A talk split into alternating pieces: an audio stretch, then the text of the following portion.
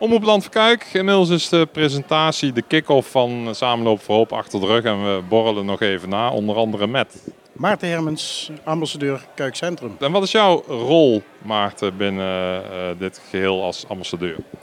Het beantwoorden van alle vragen die er zijn en eh, de mensen naar de goede persoon sturen of eh, waar ik antwoord kan geven, geef ik antwoord.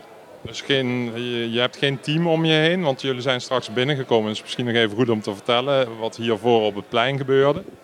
Nee, we hebben nog, eh, ik heb nog geen team om me heen. Wie weet kan er nog komen.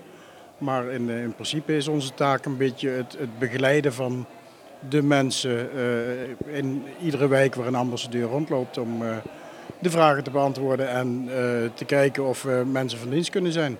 En zoveel mogelijk mensen enthousiast maken natuurlijk. Om mee te- En hoe ga je dat in de praktijk uitvoeren?